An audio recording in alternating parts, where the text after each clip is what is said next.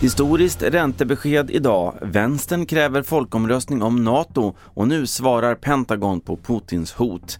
Ja, först i TV4-nyheterna om att Riksbanken höjer styrräntan från 0 till 0,25 procent. Det är första gången reporäntan höjs sedan januari 2020. Beskedet var väntat, säger Frida Bratt som är sparekonom på Nordnet. Det är ju en historisk omsvängning som Riksbanken nu gör och eh, ja, man resonerar väl som så att varför inte göra det nu då när ändå eh, alla redan är så förberedda för man har verkligen planterat det här att det kommer. Vänsterpartiet kräver en folkomröstning om NATO samtidigt som partiet står fast vid att Sverige inte ska gå med i försvarsalliansen. Bland annat med motiveringen att det skulle innebära en större hotbild mot Sverige. Vi har partiledaren Nooshi Dadgostar. Detta är ett mycket stort beslut. Det kan inte fattas av en liten politisk elit.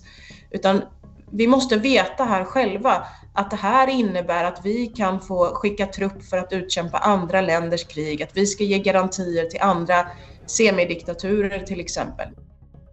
Nu svarar Pentagon på president Vladimir Putins senaste uttalande om att Ryssland kommer att svara blixtsnabbt med vapen inget annat land kan skryta med om väst blandar sig i kriget i Ukraina. Retoriken från Kreml är oansvarig, säger John Kirby, Pentagons talesperson. It's irresponsible rhetoric. Um, uh, it's, it's rhetoric uh, beneath what should be the level uh, of, uh, of conversation by uh, a modern nuclear power.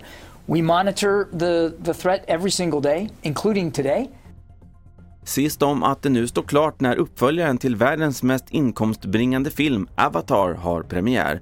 För i december är över tio års väntan över när Avatar The Way of Water går upp på vita duken. Regissören James Cameron sa i samband med beskedet igår att filmen kommer flytta fram gränserna för vad som kan visas på bio. Ytterligare tre uppföljare kommer varannat år fram till 2028. Fler nyheter i appen TV4 Nyheterna. Jag heter Carl-Oskar Alsen.